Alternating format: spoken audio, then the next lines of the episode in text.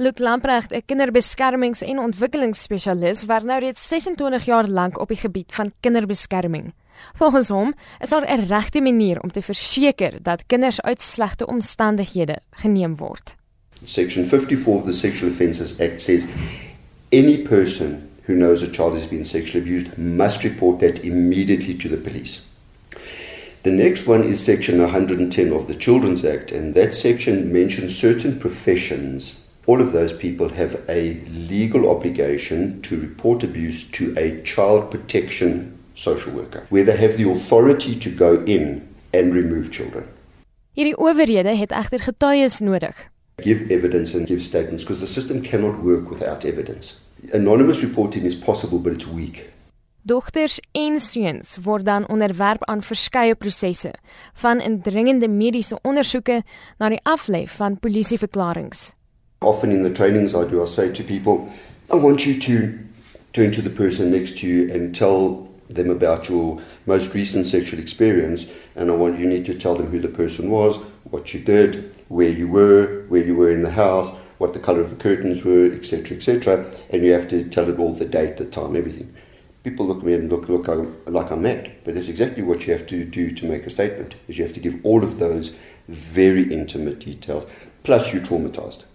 Kinders moet dan gaan getuig. Wanneer die beskuldigde skuldig bevind word, is dit egter nie noodwendig die einde van die storie nie. Lamprecht sê dogters en seuns wat deur die stelsel beweeg, word dikwels blootgestel aan sekondêre trauma. The minute it becomes an incestuous thing, now whole children's court process kicks in. And if it's a dad abusing a child, there's protection orders that the mothers often start getting. So there's the domestic violence issue involved in it. In addition to that, the dad might be fighting back. So these children can be involved in six different legal processes simultaneously. Verder waarskei dat daar daadwerklik opgelet moet word na die manier hoe seuns en dogters opgevoed word om hulle self te beskerm. We tell children to say no to abuse. Most of the time they can't. If I say to you, have you got children? Everybody's yes. And I say, how often do you encourage your children to say no to you? They'll tell me never. Plus, we haven't given them a language for sex and sexuality, so they don't know what to tell us when they need to tell us. Nikita Ramkisoon was self die slagoffer van seksuele misbruik tussen die ouderdom van 4 en 8. He was basically gaslighting me into trusting him and relying on him for emotional growth and emotional support. And now this started when I was 4 years old and he raped me when I was 6.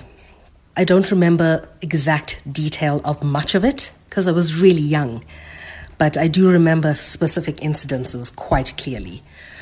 I told my parents only when I was 13. And uh, yeah, he's been out of our lives since, but I've been in therapy ever since. Sy sê geestesgesondheidsprobleme kan veroorsaak word deur voorvalle soos die. The belief that depression and bipolar and anxiety and psychosis, schizophrenia, dissociative identity disorder, all of these things come from some sort of evil spirits or a person is making them all up for attention.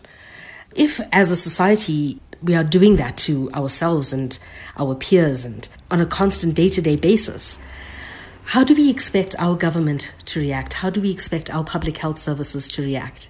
Dit was Nikita Ramkisoon, 'n aktivis en lid van die sogenaamde Shutdown beweging. Ek is Marlinee Verschiefer, SAK nuus.